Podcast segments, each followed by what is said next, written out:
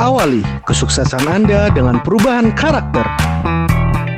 Smart Listener, segera kami hadirkan Smart Character bersama Power Character based on Business Transformation. Selamat mengikuti.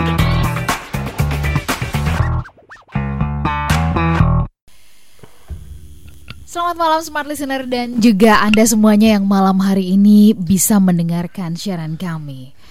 Malam hari ini kita sedang membahas satu topik I feel your pain begitu ya. Ya. Ini adalah kemampuan untuk bisa merasakan apa yang orang lain rasakan. Saya mau tanya itu kalau empati sama simpati ya harmoni itu di mana sih ranahnya di di di pikiran, di nonong kita atau di hati Um, ini gitu, di dada gitu gitu atau gimana? Well kalau dari sudut pandang neurological ya, empati itu letaknya di amigdala. Hmm, gitu di hmm, amigdala bagaimana letak perasaan di situ. Cuman penelitian dari neuro neuropsychology dia menyatakan bahwa ternyata itu ada di otak kita kadarnya ada orang yang mampu berempati dan ada yang tidak gitu. Hmm, Nah, itu diletaknya ada di ada di supra supramarginal gyrus gitu. Right Oke. supramarginal gyrus yaitu secara bahasanya smart listener kalau itu tidak aktif secara maksimal orang kalau otak bagian itu ketika meng- meng- menerima masalah dan tidak aktif secara maksimal maka orang itu cenderung sulit untuk berempati. Mhm. Nah, sedangkan ada ada orang-orang yang psikopat, nah dia sangat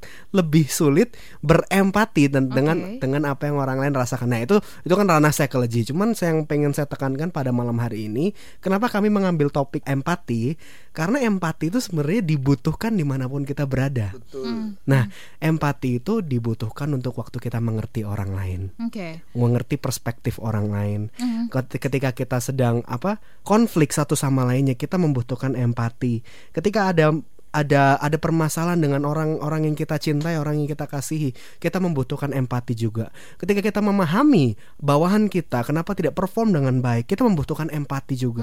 Empati adalah sebuah skill yang perlu kita punya dan itu bisa menjadi skill yang sangat-sangat bermanfaat bagi kita semua. Mhm. Itu untuk memahami orang lain Oke. itu adalah dasar menurut saya dasar yang paling penting untuk memahami orang lain yaitu empati Oke. kemampuan untuk berada di, Di sepatu, sepatu orang, mereka gitu ya, sepatu orang ya lain, kan ya. ada empati itu kan ada macam-macam ya ada em cognitive empathy ada affective empathy ada sensoric empathy ya itu pengertian sederhananya sih adalah kalau misalkan kita bisa memahami perspektifnya mereka itu kognitif nah Oke. kalau perasaan kita mampu merasakan apa yang dia rasakan gitu. Hmm, Nah, kalau mungkin yang ketiga, psychomotoric empathy itu ketika mungkin Anda pernah mengalami hal yang serupa Mhm. sehingga Anda bisa lebih dalam menghal- mem- memahaminya bersama dengan dia. Hmm. Nah, itu empati-empati tersebut bisa kita pakai gitu. Nah, kenapa banyak saya rasa saya membahas topik malam hari ini juga saya melihat banyak sekali orang itu nggak pernah diajarin empati bahwa Mhm. kita tuh hidup lahir nggak pernah belajar tentang empati bener nggak Mhm. caranya mendengarkan orang lain kita nggak pernah tahu gitu Oke. sampai ada orang lain menyadarkan kita eh kok kamu ngomong tajam sih eh kamu kok ngomong nggak pada tempatnya atau atau enggak anda nggak pernah ada yang mengingatkan tiba-tiba orang-orang menjauhi anda Iya, iya. Hmm. nah ini penting smart listener kemampuan empati itu perlu kita ajar ya. Hmm. kita perlu belajar juga untuk empati karena kita hidup dari lahir itu ya mungkin kita memiliki orang tua yang nggak pernah nggak pengertian ya kita mungkin hidup juga fokusnya fokusnya kompet kompetisi terus kompetisi terus sehingga Kita juga nggak pernah didengarkan. nggak pernah gitu ya. didengarkan dengan Mau- baik Kalau mau ngomong udah anak kecil tahu apa. Nah, gitu ya, udah langsung kayak iya gitu. apa yang terjadi anda juga menjadi pribadi yang harsh gitu Hmm, jadi pribadi yang dingin Baik. Oke. padahal manusia membutuhkan perasaan atau kehangatan juga Wih deh, ya memang seperti studio kita ini dingin kita makanya bertiga jadinya hangat begitu ya. Iya. Lebih hangat lagi kalau ada sekoteng sih mbak Bakal lebih hangat Oke, habis ini kita minum sekoteng ya. But saya ingin mencatat ada beberapa hal. Ini sebelum ke Conan gitu ya. Latihan-latihannya ini kita pengen tahu begitu kan. Nah, saya pengen tanya ke Harmoni lebih dalam lagi. Tadi Harmoni katakan gitu kan merasakan apa yang dirasakan orang lain. Ini menggunakan atau ha- harus memanfaatkan memaksimalkan panca indera nggak sih gitu? Melihat, mendengar begitu kan? Iya, Eh, apa iya. yang di di di di Iya, iya. alami oleh orang lain kah begitu? Iya, iya, Nah, iya. bisa sampai kemudian kita mendorong panca indera kita untuk bisa melihat apa Betul. yang orang lain rasakan, mendengar itu gimana gitu. Nah, jadi gini, empati itu bahasa sederhananya bahasa sederhananya adalah counseling. Ya, counseling itu adalah emotional management. Nah, pengertian praktisnya smart listener adalah kita belajar hari ini kemampuan mendengarkan orang lain. ya. Kemampuan mendengarkan mendengarkan. orang lain ya. Karena empati itu adalah kemampuan untuk melihat apa yang dilihat oleh klien kita atau konseling kita. Kemampuan merasakan apa yang konseling kita rasakan. Kemampuan juga merasakan apa yang dia sedang struggle juga gitu. Jadi itu nggak ada cara lain kalau kita nggak mendengarkan. Jadi mendengarkan itu juga meng- menggunakan body language loh. Kalau Mbak Ola pernah nggak ketemu dengan orang yang ketika didengar itu matanya ke mana-mana sambil lihat HP, sambil lihat komputer. Perasaan Mbak Ola gimana? Oke, saya langsung tinggal tuh. Nah, saya bilang gini, sorry kalau gitu mengganggu, saya tinggal aja, diteruskan aja pekerjaan. nah itu itu bisa bisa bermasalah sekali kan. Nah sekarang teknologi mempermudah hal itu sih. Jadi kalau misalkan mungkin anda mendengar pasangan anda atau mendengar keluhan anak anda atau siapa pun yang anda dengarkan, ah, ya anda telepon bisa sambil melakukan aktivitas. Nah itu itu curang sih. Cuman itu itu bisa terjadi. Cuman kita perlu belajar malah pada malam hari ini kalau kita mendengarkan dengan hati itu bisa dirasakan juga. Oke. Seperti yang Mbak Ola tadi cerita gitu. Kadang-kadang hati itu bisa dirasakan. I feel your pain itu bukan pakai kata-kata. Mungkin kata-kata indah itu bisa pakai template lah ya, bisa Iya. dikirim langsung. Search di Google. Searching gitu. di Google gitu, kata-kata penguatan di copy paste dan selesai gitu. Iya. Tapi bagaimana kita mengungkapkannya ketulusan itu dari keluar dari hati kita itu akan sangat berbeda. Hmm, hmm, Oke, Ya. saya sangat terkesan ya pernah dulu satu tim dengan salah satu penulis lagu cilik gitu ya, sangat humble sekali orangnya. Sama juga beliau adalah orang psikolog juga gitu kan. Jadi setiap kali kita berbicara dengan dia dan kalau dia mau terima telepon, padahal kita sebenarnya yang butuh sama dia, dia minta maaf loh. Maaf ya, sebentar saya terima telepon boleh nggak ya? Nah, dia minta maaf kayak gitu gitu. Itu uh, secara tidak langsung tuh me- menegur saya juga, iya ya. Itu dia aja bisa sesopan itu berarti saya juga harusnya bisa seperti itu begitu Iya, kan. Nah, sekarang saya mau tanya ke ke Konan. nih. Iya, iya. Iya mbak. Nan, kalau begitu kalau tadi ini kan kemampuan. Iya. Yang namanya kemampuan itu kan berarti ada diperoleh melalui sebuah nggak bisa serta merta turun dari langit kan gitu. Iya. Harus ada latihan Betul, gitu kan. Nah, kalau dari dari pengamatan Conan gitu ya, apakah karena memang tadi benar seperti yang dikatakan Harmoni kita nggak pernah dilatih sejak kecil? Kalau begitu melatihnya bagaimana? Silakan. Ya, jadi empati itu adalah sebuah respon, ya.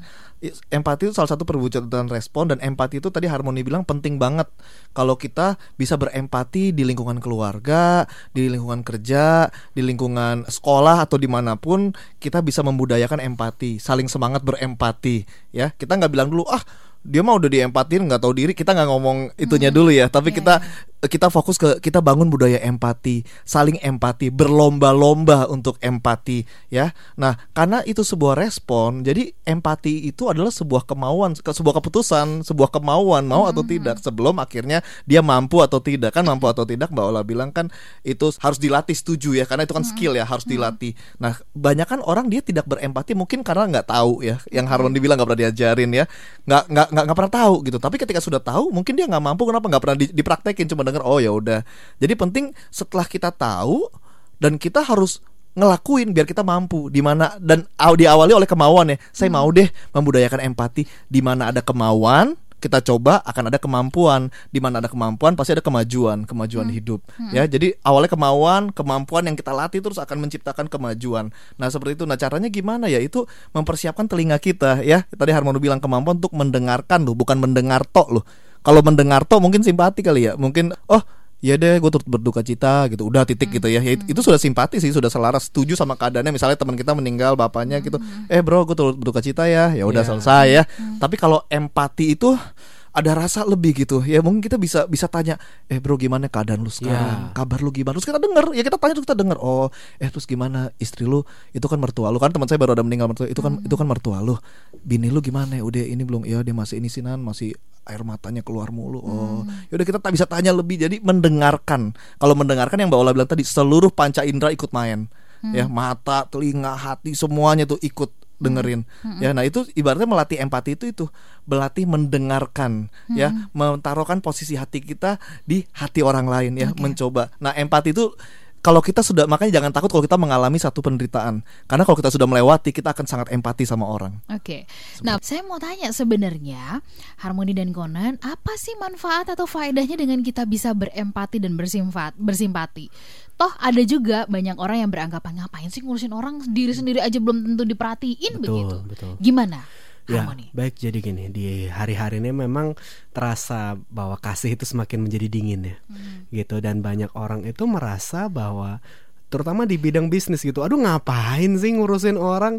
Ya udah cari aja yang kompeten, ngapain ngerekrut orang yang sakit gitu ya. Memang the rule of the game di dalam dunia bisnis pun merasa bahwa konseling atau empati itu sebuah tindakan yang buang membuang-buang waktu. Nah banyak loh saya ketemu orang-orang yang perusahaan-perusahaan yang kayak gitu. Ya udah kalau misalnya udah nggak nggak beres, ini ini mas orang ini dulu baik tapi tapi lama kelamaan kok semakin hari bertahun-tahun kok semakin nggak beres ini orang kok semakin nggak perform. Nah itu masalah ternyata dan di- tinggal dipecat gitu. Nah ini masalah gitu dan power character Dr. Yakob Ezra sendiri, Pak Yakob Ezra menemukan bahwa ini masalah gitu loh. Ini masalah bahwa sebenarnya di sistem perusahaan perlu ada yang namanya counseling system. Karena apa? Manusia itu butuh didengarkan. Empati itu harus menjadi salah satu bagian dari kehidupan kita. Oke. Karena kalau misalnya tidak, kalau misalnya manusia tidak perform dalam perusahaan, kita tidak langsung main pecat, pecat, pecat, pecat, pecat, pecat itu tidak menyelesaikan masalah. Misalkan anda memiliki memiliki orang yang dulu excellent sekali, sangat perform, sangat baik dalam pekerjaan, tiba-tiba tidak perform, Mm-mm. apakah kita langsung pecat? Oke. Nah, yang harus kita lakukan kita harus pahami dia dulu. Oke. Nah, ke- kemampuan counseling skill ini penting.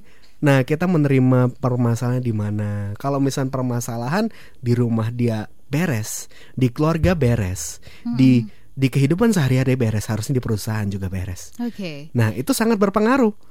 Kalau misalnya di keluarga nggak beres, kemungkinan di perusahaan juga tidak beres. Ini berarti semacam jadi stetes, stetoskop juga gitu ya. Iya. Jadi kalau seandainya boleh nggak sih saya mengatakan Harmoni dan juga Conan manakala misalkan di dalam sebuah tim, organisasi, perusahaan gitu ya nggak perform secara keseluruhan atau secara pribadi gitu ya. Ini karena memang di tempat itu sedang rawan atau sedang kekeringan cinta ya. Ya. Ya, kekeringan, Kekeringan cinta, kasih ya. kekeringan kasih ya. Aduh. Berarti wah, ini berarti elemen yang sangat penting nggak sih kita memiliki kasih ya Conan? iya Kalau menurut Conan t- ini ini ini kan tanda-tanda satu tanda ya. Iya, Kalau- Kenapa iya. bisnis rodanya nggak berjalan dengan dengan turnover tinggi. eh, turnover tinggi itu tuh ini berarti karena boleh dibilang pelumas cintanya itu nggak ada tuh gimana sih kalau Conan melihatnya gimana kan ini sering kali melayani berbagai perusahaan begitu. Saya berasa siaran sama Cheryl Anwar loh. Segala pelumas cinta ya kan, relung jiwa. Iya, iya. Kok itu bisa keluar gitu aja sih Iya, gitu Mbak ya? Luar biasa. Enggak, itu aku kalau misalkan ada harmoni dan Conan itu mengalir begitu aja loh. Itu talenta tersembunyi bola itu. Luar. Silakan Kayak Conan. puisi zaman dulu kan, aku karya ibu bapakku. Masa karya Cheryl Anwar kan karya ibu bapakku dong, ya. Iya, iya, iya, ya, oke. Seperti itu. Jadi empati ini penting sekali diterapkan dalam berbagai aksi. Contoh ketika tim mulai merosot, ya penting dilakukan tadi evaluasi. Tapi evaluasi dengan empati. Mm. Kalau evaluasi tidak disertakan oleh empati, akan cenderung isinya judge, judge, and judge. Akhirnya orang jadi drop. Ya. Ya, ketika kita melakukan motivasi dengan empati, kalau kita cenderung berasa kita paling bisa sendiri, saya motivasi kamu saja, akhirnya orang bukan termotivasi malah bisa jadi terintimidasi karena nggak ada unsur empati di sana. Jadi empati ini unsur yang sangat penting dan yang paling ini sangat apple to apple dengan yang Harmoni bilang counseling. Ya counseling itu karena itu proses pengelolaan perasaan seseorang dengan melalui empati tadi, Iya. ya men- lebih mendengarkan. Kalau tadi motivasi kita berbicara, tapi dengan empati, dengan memahami kondisi teman-teman. Mungkin kan ada yang orang itu tadi Harmoni bilang ada masalah keluarga, ada masalah ini, ada masalah yang lain. Jadi penting sekali mau evaluasi, mau motivasi, mau training, mau apa, tapi sertakanlah unsur empati. Sebagai public speaker kita harus punya empati nih lu mbak. Kita nggak bisa oke tugas saya bagiin training, oke Hmm. Saya saya ngomong saya satu setengahnya yang penting saya selesai tema selesai enggak.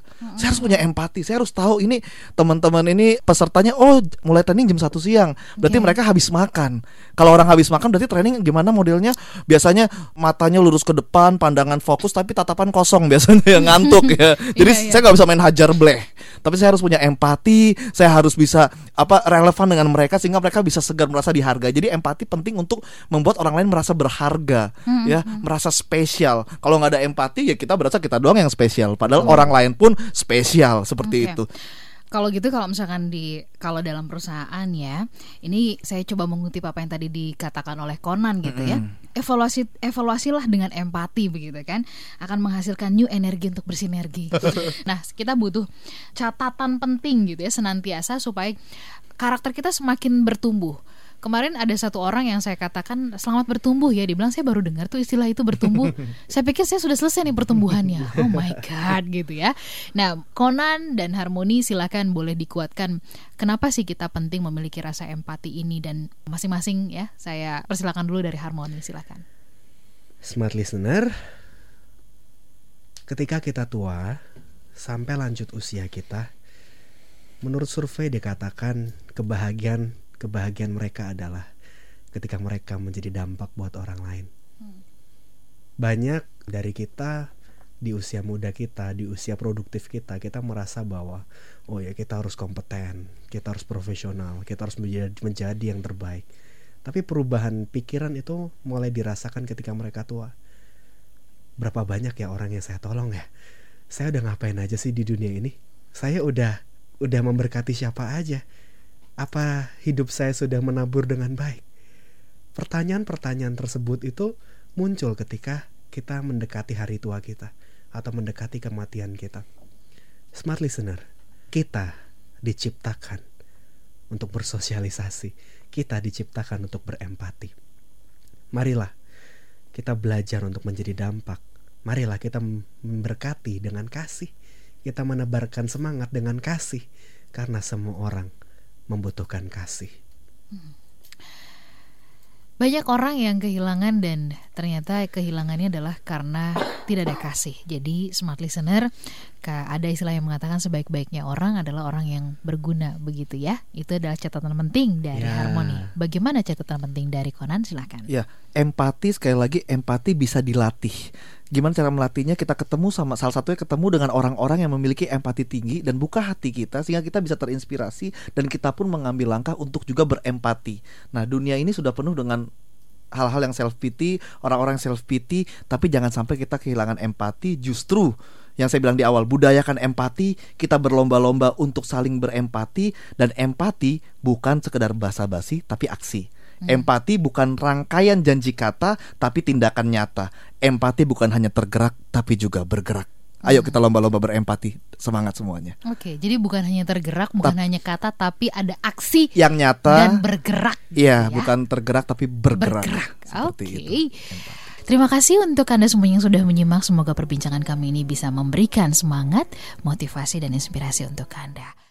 Baru saja Anda menyimak Smart Character bersama Power Character based on Business Transformation. Awali kesuksesan Anda dengan perubahan karakter. Terima kasih dan sampai jumpa.